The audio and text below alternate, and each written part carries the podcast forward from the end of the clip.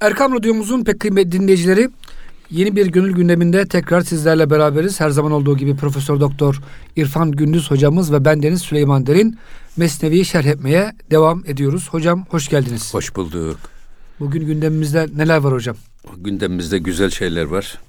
Besmele çekerek programımıza başlayalım ve değerli dinleyicilerimize de en kalbi selam ve saygılarımızı sunarak Hazreti Pir'den derlemeye devam edelim.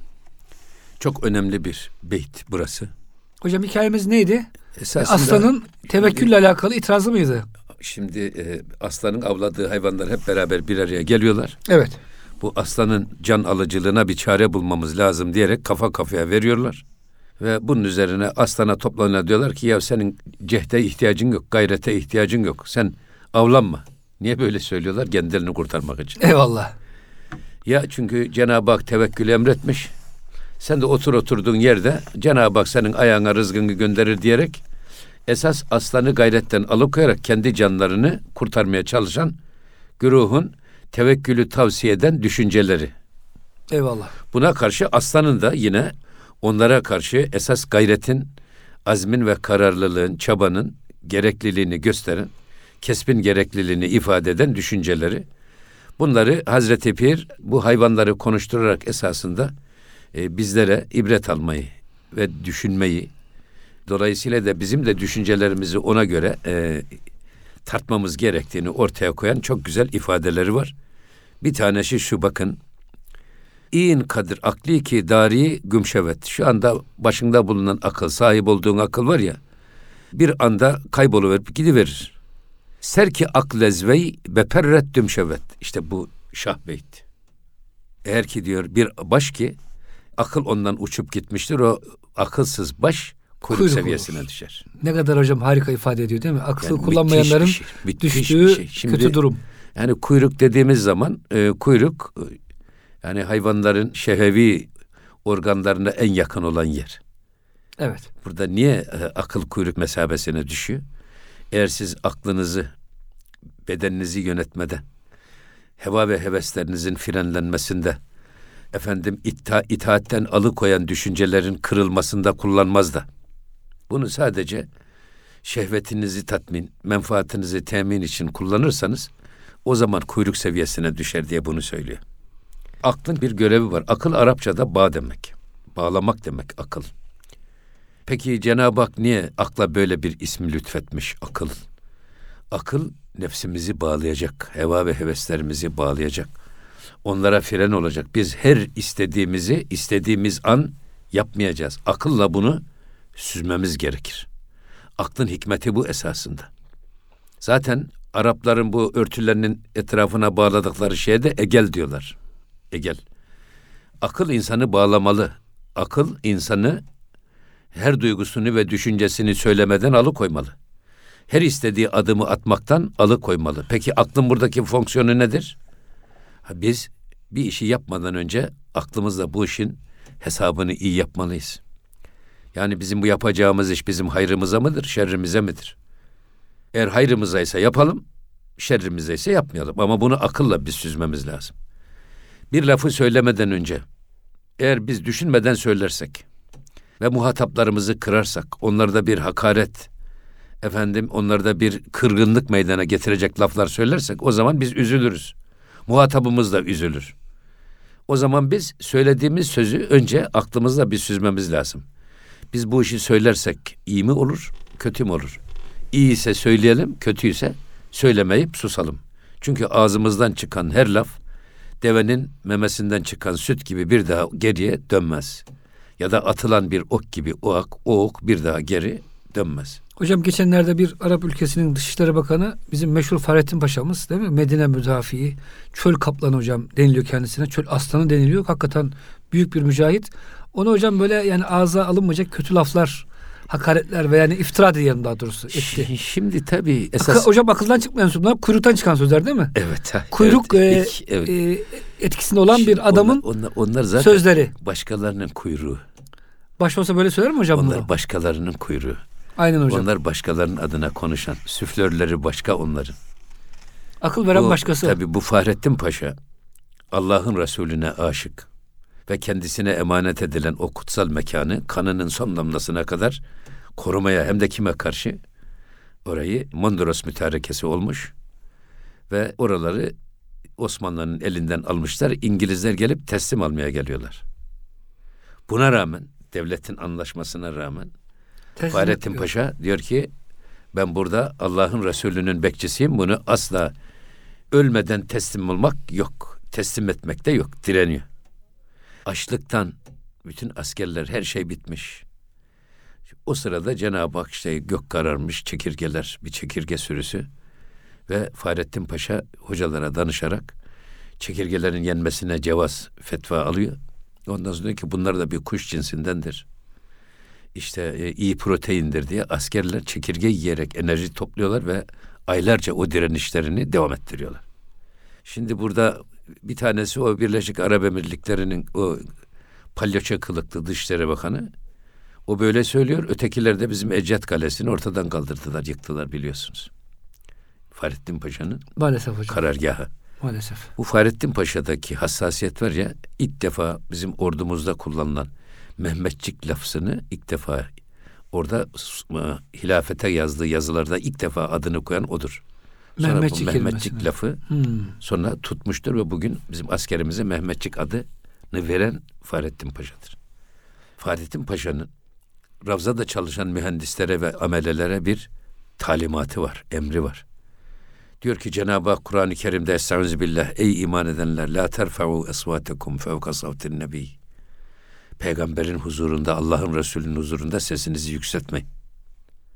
Allah'ın Resulü rencide olmasın. Bu ayet-i kerimeye müsteniden diyor ki eğer diyor siz çekiç ve çivi kullanacaksanız mutlaka çekiçle çivi arasına keçe ya da lastik bandaj koyarak o çiviyi çakacaksınız ki çıkacak gürültüden Allah'ın Resulü rencide olmasın. Böyle bir hassasiyetin sahibi. Ve artık teslim olacak. Bir taraftan da Osmanlı'dan da bastırıyorlar burada. Mondros mütarekesi imzalanmış. Ravza'ya giriyor, ağlıyor, ağlıyor kefeniyle beraber ağlıyor, ağlıyor, ağlıyor ya Resulallah. Seni koruyamadım diye. Ondan sonra o kefeniyle beraber çıkıyor. Gelip teslim almaya geliyorlar kendisini. Ona bir Şerif Hüseyin... Hocam tesbih ihaneti mi? Şerif Hüseyin'in ihanetiyle mi? Tabii tabii Şerif Hüseyin altın bir saat hediye ediyor. Köstekli saat kendisine. O başarılı komutasından dolayı, direnişinden dolayı. O da tutuyor boynundaki türbünü veriyor şeye. Ümmetin halini gör bundan sonra. Ee, Nasıl darmadan olacak? O Şerif Hüseyin'e götürün bu türbünü. Bundan sonraki İslam aleminin istikbalde çekeceği ızdırapları şimdiden seyretsin diye. Böylece ferasetli, vizyon sahibi bir Hocam insan. Medine'nin düşmesiyle Kudüs'ün düşmesi sanki aynı. Şöyle ikisinde de hocam ecdadımız buralar bombalanmasın. Bu Ravza tahrip olmasın diye sanki teslim etmişler. Tabi bir de son kanının son damlasını savunduktan sonra teslim etmişler. Bugün de Evet. maalesef işte Evet. hem hocam Medine'miz hem Kudüs'ümüz Evet. bu hocam yani ihanet eden Şimdi, adamların sıkıntısı bize. Şimdi tabii Osmanlı'nın kutsal mekanlara bakışı çok farklı. Şimdi böyle bazı zıpır hocalar çıkıyorlar. Efendim mekanlarda kutsallık yoktur. işte zamanlarda kutsallık yoktur gibi bizim kandil gecelerimize bidattı diyerek karşı çıkıyorlar filan. Halbuki Kur'an-ı Kerim bizzat bir defa hocam. Kudüs'te ilgili Hazreti Musa'ya ne buyuruyor Cenab-ı Hak? Fahlan aleyk inneke bil vadil mukaddesi tuva. Sen mukaddes bir tuva vadisindesin. Takunyalarını çıkar. Mübarek bir yer. Sıradan bir yer değil burası. Bak oraya abdestsiz ayak basılmaz. Burası kutsal bir yerdir. İşte size bu kutsal mekan. Sübhanellezi esra bi abdihi leylen minel mescidil harami ilel mescidil aksallezi barakna havlehu. Bak etrafını kutsal kıldığımız. Mescidi Aksa'yı göstermek için bir gece ansızın kulumuz Muhammed'i Mescidi Haram'dan Mescidi Aksa'ya götürdük, yürüttük. Barakna havlehu. Osmanlı'nın bu kutsal mekanlara bakışı onu Allah'ın bir emaneti telakki ederek göz bebekleri gibi korumaya çalışmaları. Şimdi bu palyaço kılıklı o bakan diyor ya mesela Cumhurbaşkanı Tayyip Erdoğan'ın dedeleri hırsız idi. Tövbe estağfurullah. Şimdi bunlar bugün aynı iddiayı Libya'da Libya'nın Vakıflar Bakanı böyle bir şey yaptı. 400 sene Osmanlı bizi sömürdü diye. Ben karşı çıktım. Dedim ki siz bugün petrolünüz var. Ona bakarak Petrolünüze güvenerek böyle söylüyorsunuz. Osmanlı'nın egemenliği altında bulunduğu dönemlerde Libya'da ne vardı? Hurma vardı belki. Osmanlı Anadolu'ya cami yapmamış, hamam yapmamış, çarşı yapmamış, gelmiş ta Trablusgarp'a, Bingazi'ye cami yapmış. Han hamam yapmış, efendim tekkeler Kahire'ye yapmış. yapmış hocam, Şam'a yapmış. Bir, dedim ki eğer Osmanlı'nın Libya'dan aldığı ile Libya yaptığı yatırımı bir kıyaslasanız en az belki yüz katını Osmanlı Libya'ya yatırım olarak harcamış. Siz bunu hangi iddiayla ve hangi akılla Osmanlı bizi hocam? sömürdü diye iddiada bulunuyorsunuz? Bugün petrolünüz var. Petrolün sizi şımartmasıyla bu tür Batılıların aramıza atmaya çalıştığı nifak tohumlarına alet oluyorsunuz dedim. Sonra adam özür diledi sonra. Kongrenin sonunda. Libya'nın e, o zamanki Evkaf Bakanı. Şimdi aynı şeyi bunlar yapıyorlar şimdi bunlar. Osmanlı her sene Osmanlı sultanları hacca gitmez. Ama hacca kendilerine vekaleten sürre alayı gönderirler. 600 kişilik bir alay. Bunların içinde Osmanlı'nın vezirleri var, paşaları var, efendim diplomatları var, alimleri var, şeyhler var. Bunlardan oluşan 600 kişilik bir heyet ve orada bütün Mekke ve Medine emirlerine, fakirlerine, oranın eşrafına, ayağına ve hepsinden önemlisi de Kabe-i Muazzama'ya ve Resulullah'ın ravzasına çok özel ve önemli hediyeler gönderirler.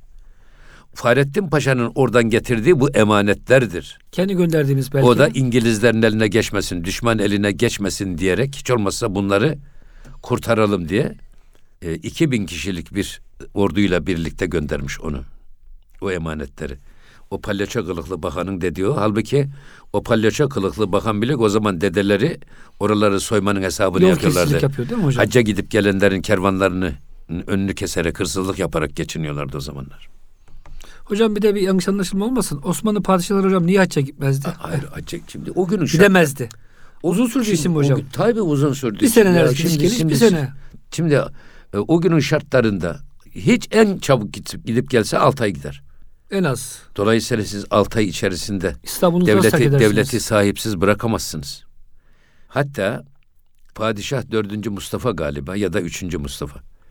O geliyor Şeyh Şaban Efendi'yi ziyaret etmek istiyor şeyde Eyüp Sultan'da. Oraya gelirken de ikindi namazını Edirne Kapı Mihrimah Sultan Camisi'nde kılıyor. Fakat kıldıktan sonra tebdili kıyafet etmiş. Orada bir cenaze var. Hadi cenazeyi 40 adım taşımak sevaptır diyerek cenazenin de altına giriyor. Cenazede hamal cenazesimiz çok ağır. Ağır bir adam. Yani cemaat de az. Kimse değişecek olmamış da Edirne Kapı'dan Eyüp Sultan Mezarlığı'na kadar o cenazeyi taşımak zorunda kalmış. Ha, Kimse de hocam? tanımıyorlar, tanımıyorlar da. Cenaze teşhiği farz kifaye. Sonra gitmiş şeye Şeyh Şaban Efendi efendim böyle böyle oldu deyince orada Şeyh Şaban Efendi'nin bir şeysi var. Sultanlara önce adaleti millette ipka etmek ve ilahi kelimetullah. Feraizin dışında nevafile o kadar ihtiyaç yoktur sizin için diyor. Sizin için en büyük farz ilahi kelimetullah ve adaletin ve mülk ve millette ikame edilmesidir. Ne işin var senin diyor. bir hamala 3-5 kuruş dört taşı e, sayılır o, diyor. o cenazenin altına girip de bu kadar kendini heder etmekten diyor. Bak orada çok enteresan bir şey var. Şimdi Osmanlı'nın o kutsal mekanlara bakışına ben bunu fazla uzatmayalım da. Burada 4. Murat zamanında Kabe'de müthiş bir yağmur oluyor. Ve yağmur Kabe'nin mültezem kapısının kilidi hizasına kadar harem kumla doluyor mil. Kabe-i Muazzama'nın bazı duvarları yıkılmış, bazıları da yıkılmak üzere eğilmiş. Dördüncü Murat Rıdvan Ağa diye bir mühendis gönderiyor Kahire'den. Ve haccın ifasına da üç ay var. Yani üç ay içerisinde o millerin boşaltılması lazım.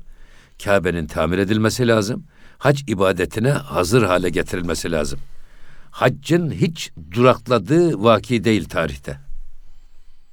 Rıdvan Ağa bir rapor yazıyor. Bu Eyüp Sabri Paşa'nın Miratül Haremeyn'inde var. Orijinali de Osmanlı Baş Devlet Arşivinde var. Başbakanlık Devlet Arşivinde. Sultanım efendim diyor meydana gelen Seylül Arm'den dolayı Harem-i Hümayun-i Şerif'in mültezem kapısını kilit hizasına kadar mille dolmuştur. Bu meydana gelen Seylül Arm'den dolayı Kabe-i Muazzama'nın Cidar-ı Şarkisi semti sücuda varmıştır, yıkılmıştır demiyor. Allah Allah. Semdi sucuda varmıştır. Ve cidarı cenubu semti ruku'a mail olmuştur diyor. Yıkılmak üzere olan eğilmiş duvarlar. Rüküye eğilmek üzere diyor. Sonra Peygamber Efendimizin veda haccını devenin üzerinden okuması gerekçe gösterilerek dört mezhebin müftülerinden de fetva alarak eti yenen hayvan gücü kullanılmasına cevaz verilmiş. Onlarla o miller tamamen boşaltılmış hayvan gücü kullanılarak. Ama bu hayvanlarda kullanılırken hayvanların küçük ve büyük abdestlerinin harem-i şerif mahallini kirletmemesi için gerekli tedbirler alınması gaydu şartıyla kullanılmasına cevaz verilmiş. Sonra Kabe-i Muazzama'nın tamirine sıra geliyor. Kullanılacak taşların sonuna kadar kullanılmasına. Kullanılamayacak taşların da toplanıp Allah'ın Resulü'nün Kabe'li tamirinde bizzat kendi uyguladığı usule riayet ederek kullanılamayacak taşlar götürülüyor, Cebeli Kabe'ye bırakılıyor. Yeni taşlar da Cebeli Kabe'den getiriliyor ve Kabe, bugünkü Kabe, o Rıdvan Ağa'nın yaptırdığı, 4. Murad'ın yaptırdığı Kabe'nin tamiridir. Ama o bakış açısını arz etmek için söylüyorum. Semti sücuda mail olmuştur. Hocam yani o saygıyı, o sevgiyi söylüyorsunuz. Tabii işte kuyruk gibi akıl olunca adamda her şeyi ters görüyor. İslam düşmanlarını baş tacı ediyorlar. Mesela Uzaktan gelen e, gayrimüslimleri baş tacı edip bizim gibi hocam orayı korumuş ecdada da maalesef laf ediyorlar. Şimdi şeyde e, ikinci Mahmut diyor ki duydum ki zaman zaman harem-i şeriflerde yangın zuhur etti. Ve bu yangınların söndürülmesi için Ravza-i Mutahhara'ya ve Kabe-i Muazzama'ya taş ve toprak atıldığı istihbar edilmiştir. İslam hukukunda, İslam fıkhında zaruretler haramları helal kılar ise de yangın gibi bir zaruret ile de olsa Kabe-i Muazzama'ya ve Ravza-i Mutahhara'ya taş ve toprak atılması edebe mugayirdir. Gerekli itfaiye teşkilatının kurularak masrafının kise-i şahanemden karşılanmasını emrü ferman eylerim. İkinci Mahmud. O yüzden yani e, e, bu Arapların hep böyle Fransız, İngiliz oryantalistlerinin süflörlüğünü yaptığı düşünceleri kendi düşünceleriymiş gibi yansıtan bu Araplar bu meseleyi ve bu inceliği anlayamazlar. Hepsi değil hocam bir kısmı şüphesiz değil mi? Çok Hatta- iyileri de var bizi seven. Hatta hatta bakın adamlar bid'attır diyerek İslam tarihinin bizzat aleyhissalatü vesselam Efendimizin mesela kendi eliyle kazdığı hendekleri kapatıp yol yaptılar. Mesacidi Seb'adan bugün sadece iki tane mescit kaldı. Bid'attır diyerek ki bu batılılar ta bilmem 300 3000 sene önce çıkan iskeletin kemiklerini topluyorlar. Testi kırıklarını toplayıp birleştiriyorlar. Hini hacette lazım olur diyerek delil olarak kullanmak üzere saklıyorlar. Bunlara da diyorlar ki bunlar bid'attır. Kapatın hendeyi. kapatın. Neredeyse Ravza-i Mutahhara'yı bile yıkacaklardı. Neredeyse. Bugün siz Hazreti Hamza Seyyidü Şüheda radıyallahu anh'ın Osmanlı'nın yaptığı türbe yerle bir edildi. Siz o türbeyi seyrettiğiniz zaman Hazreti Hamza ile bir iç içe. Hocam hatırası kalmamış. E, Oraya gidiyorsunuz tabii. hiçbir kabrin yeri belli değil. Bunu hangi anlayışla yıktırdılar Ama bunları? kendi krallarına hocam saraylar yapıyorlar Ha, Fransa'da. buna- ha. e, şeyde Kabe'nin karşısında Kabe kadar haşa. Ne Kabe, yani Kabe'nin- büyük. Kabe'nin üstünde çok Maalesef. tepeden bakıyorlar. O hocam bitat olmuyor. Evet. Hayırlısı hocam. Allah bunlara akıl fikir versin. Neyse diyoruz. biz burada gene sözümüzü bu tarafına dönelim. Bu Allah garik rahmet eylesin.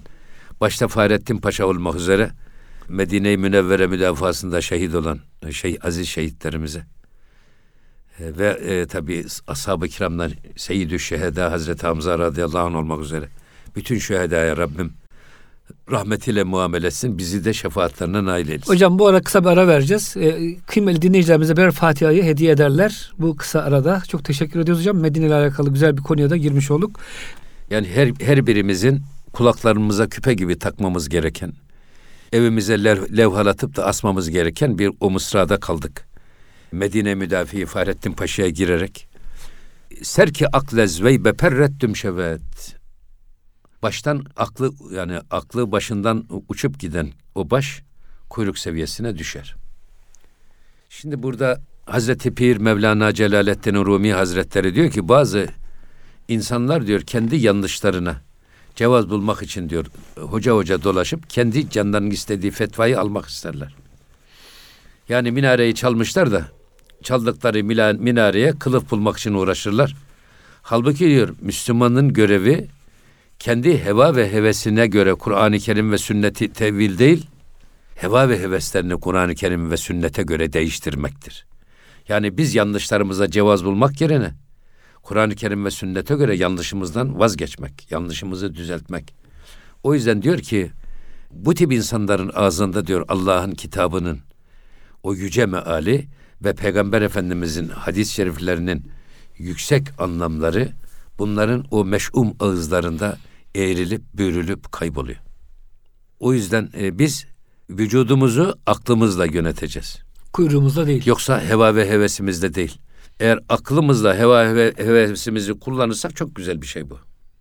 İlmimizle, imanımızla, aklımızla biz şehvetimizi biz kullanırsak çok güzel. Hırsımızı biz kullanırsak güzel, paramızı biz kullanırsak güzel. Ama bunlar aklımızı da esir alır.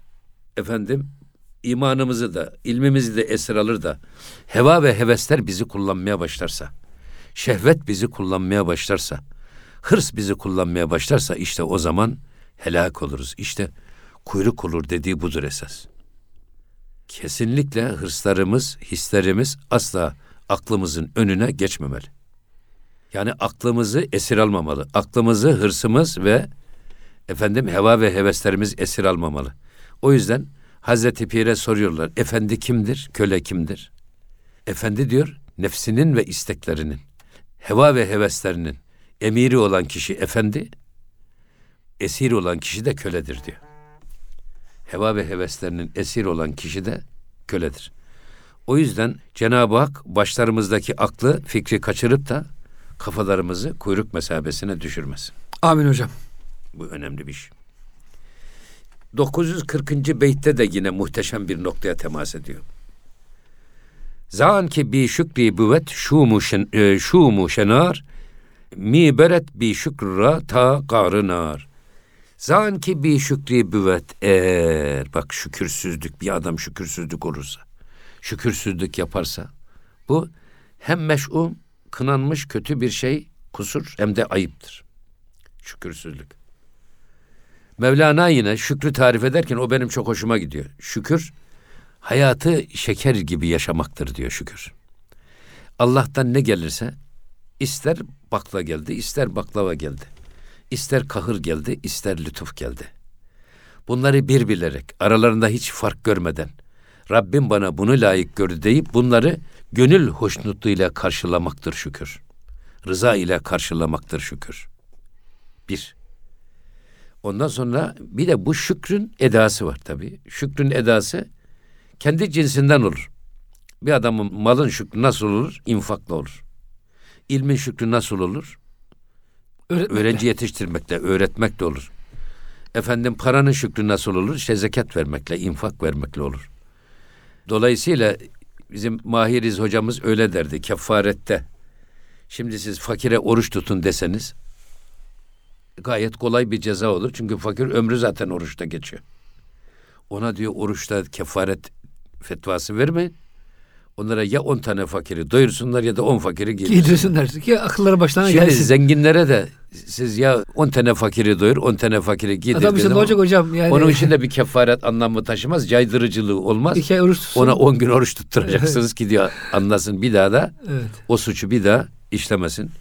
O yüzden şükür de kendi cinsinden olur. Hatta bir şey şiirde de öyle söylüyor Hazreti Pir. Kendinden alalara bakıp, kendinden ednalara bakıp şükriyle demsaz olmak, kendinden alalara bakıp rişk eylemenin merhemidir. Bir adamın kendinden aşağılara bakıp haline şükretmesi, hayatını güler yüzle karşılaması, kendinden yükseklere bakıp da esef etmesinin, yerinmesinin, komplekse düşmesinin merhemidir diyor bu. O yüzden şükür çok önemli bir iş. Ve bu sadece Cenab-ı Hakk'ın mümine bahşettiği bir haslet. Mümine bir hayır gelir diyor Peygamber Efendimiz, şükreder sevap alır. Bir bela gelir, sabreder yine sevap alır. Bu sadece Allah'ın mümine bahşettiği bir haslettir buyuruyor. Başkasında bulamazsınız bunu. Hocam bir de şöyle bir yorum da getirebiliriz buraya. Gazali hocam bunu çok güzel açıklıyor. Allah'ın size verdiği her azayı veriliş amacına göre kullanmak. Allah bize hocam kocaman bir beyin vermiş. Bütün mahlukattaki en büyük beyin insanda. Siz bu beyni sadece bu kainatı kim yarattı değil, o gibi güzel sorulara cevap bulmak için değil de akşama ne yiyeceğim, yarın nereye gezeceğim diye yani e, şu tabiattaki hayvanatın bile hocam yani kullandığı o basit akıl seviyesine indirgerseniz nankörlük yapmış olursun. Hocam bu şuna benzer. Size padişah güzel bir kılıç göndermiş. Cihat etsin e, diye veya bize göndermiş. Adam tutmuş hocam bu güzel kılıçla kurbanla şey kesiyor.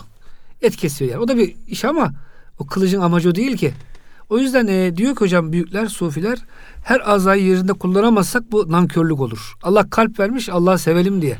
Beyin vermiş Allah'ın şu kainattaki harikaları Zaten burada seyredelim diye. Süleyman'cığım burada biz adaleti hep mahkemelerde ararız. Esasında e, adalet her şeyi yerli yerinde kullanmak demek. Eyvallah hocam. Gözü Allah niçin yaratmışsa orada kullanmak. Ağzı orada kullanmak. Kulağı orada kullanmak.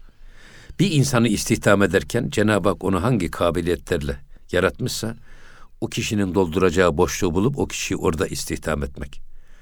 Ama onu aykırı yerde kullanmak zulümdür. Aynen hocam. Kullanılmaması gereken yerde kullanmak zulümdür. O yüzden buna adalet derken biz hani mutedil yol diyoruz ya. Evet. Mesela duygularda da adil olmak. Mesela Allah israfı haram kılmış. Öbür taraftan cimriliği de haram kılmış. Orta yol hangisi bunun? İnfaktır. Yeri geldiği zaman harcamak, yeri geldiği zaman da tutumlu davranmak. Har vurup harvan savurmak da yok, cimrilik de yok. İşte orta yol dediğimiz bu. Duyguların adaleti derken de bunu kastediyoruz biz hep. Mahkemedeki adalet değil. Bunu bize ifade eden esas İmam-ı Gazali Hazretleri. Öbür taraftan Allah kocaman bir vücut, ufacık bir ağız vermiş. Niye bu kadar böyle bir arada büyük fark var? Sebebi bir, vücudumuz kadar düşünüp ağzımız kadar konuşmamız gerektiğini göstermek için. Bir de bin defa düşünüp bir defa söylemek lazım. Onun için iki defa bakacağız. iki defa koklayacağız. iki defa dinleyeceğiz. Acaba lafımız ne getirir? Yansıması nasıl olur diye. Ondan sonra konuşacağız. Dil bir tane bir kere konuşacağız. Böyle konuşan insan Hocam ne çok olur? güzel bir yorum Böyle getirdiniz. konuşan bir adam ne olur? Asla hataya düşmez. Söylediği her sözü bilerek söylemek. Ağzından çıkanı kulağa duyarak konuşmak. İkinci bir manası daha var diyor. Gene bu İmam-ı Gazali Hazretlerinin ifadesinden hareketle o da insanda bütün vücuduyla üretken bir tek ağzı var tüketici. Hatta mevlitansanız, ses sanatkarıysanız gırtlağınızda da üretirsiniz. Ama gırtlağınızda da üretseniz bir tek tüketici organ var. O da nedir? Ağız. İnsanların vücudu kadar üretip ağzı kadar tüketmesi gerektiği için.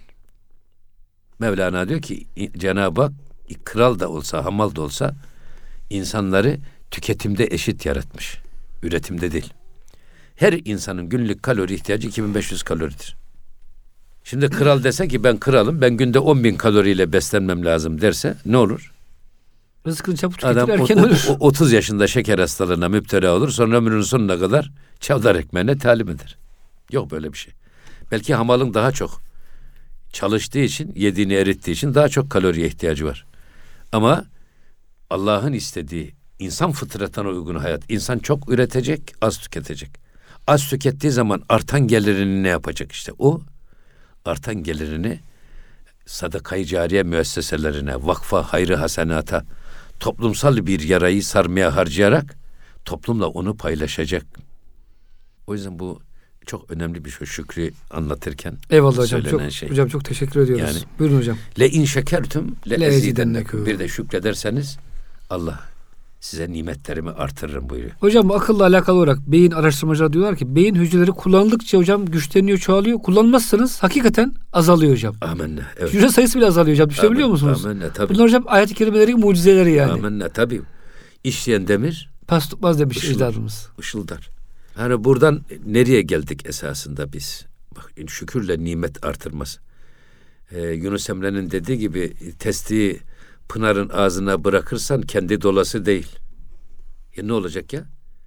Getireceksin bir defa testiyi musluğun altına sen koyacaksın. Bir, iki, doluysa ne olacak? Yine almaz bir şey. Dolu test almaz ki, taşar. O yüzden sen Allah yukarıdan sana verecek, sen de aşağıdan kullarına vereceksin. Verirsen bu devri daim devam eder. O yüzden şükredenlere nimetlerimi artarak veririm. Ama bencillik yapanlara da kısarak ver. O yüzden hayatı hep güler yüzlü, tebessümle efendim ve Cenab-ı Hakk'ın emir ve iradesine teslimiyetteki zevkle yaşamak lazım. İşte şükrün adı budur. Eyvallah hocam. Her şeyden zevk almayı getiriyor. Hocam ben bir de- amene bil kaderi emine Evet. minel keder. Bir de hocam aklımızı adam gibi kullanmak. Allah'ın istediği şekilde Amenna. dostumuzu, düşmanımızı güzel ayırt etmek değil mi hocam? Evet. Her şeyimizi Allah'ın istediği şekilde kullanmak. Malımızı, Evet. paramızı, sağlığımızı, gençliğimizi, imkanlarımızı, duygularımızı, Bütün evet hocam. her şeyimizi canımızın istediği gibi kullanma hakkımız yok. Allah'ın istediği gibi kullanmak zorundayız. Canımızın istediği gibi istikamet yok. Allah'ın istediği gibi istikamet üzere bulunmalıyız. Allah'ın Resulü'nün istediği gibi müstakim olmalıyız. Canımızın istediği gibi doğruluyor yok. Eğer öyle derseniz herkesin kendisine göre bir doğrusu çıkar. Yok öyle bir şey. Ya Allah ve Resulü'nün çizdiği çizgide dost doğru müstakim olmak. Biz, bizden istenen bu. Ama bu istikametteki titizlik Peygamber Efendimizin bile belini bükmüş. Festakım kema ümirte ayeti diyor. Benim belimi büktü. Emrolundun gibi. Senden istenildiği gibi dost doğru ol. O yüzden biz de şimdi böyle yaşam koçları türedi. Gazetelerde bazıları fetvalar yazıyorlar. Kişisel gelişim uzmanı adı altında millete ahkam kesiyorlar. Canınız ne istiyorsa yaşayın. Efendim ne aile baskısı ne toplumsal baskı. Bütün tabuları yıkın. Efendim siz siz siz olun istediğinizi yapın filan böyle. Şimdi bunu şey yapıyorlar. Yapmak isteyip de yapamadığınız zaman bunu içinizde biriktirirseniz o ileride daha çok derde sebep olur gibi filan da böyle şeylerin kılıfına saklayarak söylüyorlar. Halbuki bizim görevimiz eğer gözümüzü Allah yarattıysa, kulağımızı bize Rabbim verdiyse, bu ömrü Cenab-ı Hak bize emaneten lütfettiyse, biz bu bedenimizi, bu zamanımızı bize emanet olarak verilen her şeyi canımızın istediği gibi tepe tepe kullanmak değil, Allah ve Resulünün istediği gibi kullanmak zorundayız. Yok böyle bir şey. Eyvallah hocam. Elimizi Allah yarattıysa canımızın istediği gibi elimizi kullanamayız. Allah'ın istediği gibi kullanmamız lazım. Gözümüzü Rabbim bize lütfettiyse gözümüzü canımızın istediği gibi kullanamayız. Allah'ın istediği gibi, emrettiği gibi kullanmak zorundayız. Çok önemli bir iş. Böyle yaparsak hocam şükür de yapmış oluyoruz değil mi? Amenna. Bütün azalarımızın hakkını vermiş oluyoruz. Buyurun Şimdi hocam. çok önemli bir beyte daha geldik. Orada da ger tevekkül mikuni derkar kün. Bu da böyle levhalattırılıp asılacak bir şey. Eğer tevekkül yapmak istiyorsan bu tevekkülü işin başında yap. İş başında yap. Elin işteyken mütevekkil ol.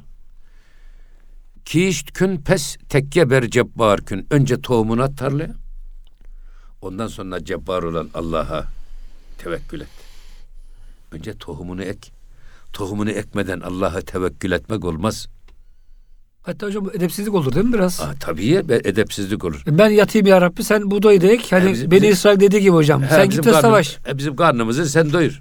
Allah istese doyururdu. Cennet öyle olacak ama bu dünyada Tabii, tabii. şartları koymuş Rabbimiz. Şimdi bu şeyde bu tevekkül meselesiyle ilgili yani tarikatlarda çok önemli bir meseledir. Tevekkül aynı zamanda yanlış anlaşılan ve yanlış anlatılan bazen çoğu zaman da yanlış uygulanan bir fariza. Onu Hazreti Pir müthiş bir şekilde düzenliyor. Eğer diyor siz tevekkül edecekseniz işinizi yaparken Allah'ı tevekkül ederek işinizi yapın. Allah'a dayanarak işinizi yapın. Şimdi armut pişsin ağzıma düşsün. Yok böyle bir tevekkül anlayışı. Önce biz kul olarak bütün gayretimizi göstereceğiz. Kanımızın son damlasına kadar bütün alnımızın terini, emeğimizi vererek işi, o işle ilgili ne gerekiyorsa yapacağız. Yaptıktan sonra neticeyi biz bilmediğimiz için bir. iki, neticenin bizim hayrımıza mı şerrimize mi olacağını bilmediğimiz için netice hiç kafayı takmadan bundan sonra ya Rabbi biz kul olarak üzerimize düşeni yaptık. Bundan sonrası sana ait. Tevekkül bu. İş yaparken Allah'a tevekkül etmek. O yüzden Hazreti Mevlana Selahattin Zerkub ile gelirken Konya'da işte Sarraflar Çarşısı'nın önünde Selahattin Zerkub'un dükkanından çekiç sesleri geliyor. O altını dövüyorlar ya. Sanki o sesleri duyan Hazreti Pir hemen semaya giriyor, başlıyor dönmeye. Burada bile Hazreti Pir bu tevekkül anlayışını ortaya koyuyor. Tevekkül edecekseniz çarşının içinde tevekkül edin. Çalışırken tevekkül edin. Dağ başında tevekkül olmaz. Dağ başında dervişlik de olmaz. Dağ başında derviş olursunuz. İyi bir insanı kamil olursunuz. Fakat kendi başına dönen bir dişli gibi hiç kimseye bir faydanız olmaz kendinizden başka. Halbuki gerçek dervişlik hayatın içinde, çarşının içinde dervişliktir. Gelin derviş olacaksanız çarşının içinde derviş olun. Hatta gelin gücünüz yetiyorsa sarraf dükkanının emrin Altında önünde gümüşle uğraşırken derviş olun. derviş olun. Önemli bir iş bu. O yüzden e, burada tevekkülü bir işi yaparken Allah'ın gözü önünde o işi yaptığımızı, yaptığımız işteki niyetimizi, maksadımızı, yaptığımız şekli, her şeyi Cenab-ı Hakk'ın bildiği inancıyla yapacağız. Şimdi bu inançla yapılan ki bu ihsanın hayata yansıtılmasıdır. İhsan duygusunun. Allah'ı görür gibi yaşamak var ya, Allah'ın gözü önünde işimizi yapmak. Gerçek tevekkül budur. Allah'ın göz önünde yapılan işte de ne eksik olur ne hata olur. Hepsi dört dörtlük olduğu için bugün Osmanlı'nın yaptığı her iş antika. Hocam ölmez eserler hepsi. Tabii. Evleri hocam yanmış gitmiş. Şu anda Osmanlı'dan kalan köşkler falan çok harabe ve az. Evet. Ama hocam camileri, tekkeleri, hanları bütün ihtişamıyla hatta hocam Sakarya civarında bir Osmanlı'dan kalan köprüye e, payanda koymuşlar hani e, yıkılmasın diye. Sel gelmiş hocam payandalar yıkılmış köprüye yine bir şey olmamış. Evet. Ecdadımızın hocam böyle bir yapısı var. Hocam isterseniz bu konuyu bugün böyle sonlandıralım. Şuradan ben bir şey okumak istiyorum Ahmet Avni Konuk'tan. Say ile tevekkülü cemet. evet. Ya hem gayret hem tevekkül İşte beraber olursa diyor hocam. İşte diye. zaten zaten işte kıymeti bu var zaten diyor. Dediği de bu zaten. Evet. Elin işte, gönlün oynaşta olsun. Gönlün Rabbinde olsun. Evet, ama elin eli kârda işte. olsun, gönlün yarda olsun. Hocam bu olursa Osmanlı İşte, gibi inşallah işte o say ile gayreti Evet. birleştirmektir tevekkül diyor işte. Çok güzel hocam bir şey. Mesela. Hocam Allah'tan böyle bir Müslümanlık Tabii istiyoruz. şimdi Çünkü hocam bugün çok geri kaldık. Amin, Sebebi de bu Allah alem. Tabii Mehmet Akif'in dediği gibi yani Mehmet Akif elin kolun tutuyorken çalış kazanmaya bak ki artığınla geçinsin senin de bir yatalak diyor hani. Adam derviş tutmuş şeyde ormanda bekliyor Ramazan ayı ikindi vakti iftara yakın. Hali pürmelali tam o sırada bir aslan bir geyik avlıyor geliyor. Onu omuzuna almış kanı da aka aka geliyor. Sonra geliyor orada meydanda bir yiyor, karnını doyuruyor. Sonra bir de böyle nar atarak çekip gidiyor. Sonra bakıyor ki onun akan damlalarını takip ederek gelen kör topal bir tilki var. O da geliyor geliyor kokudan aslanın artığını buluyor. Şimdi derviş oradan bakıyor ya.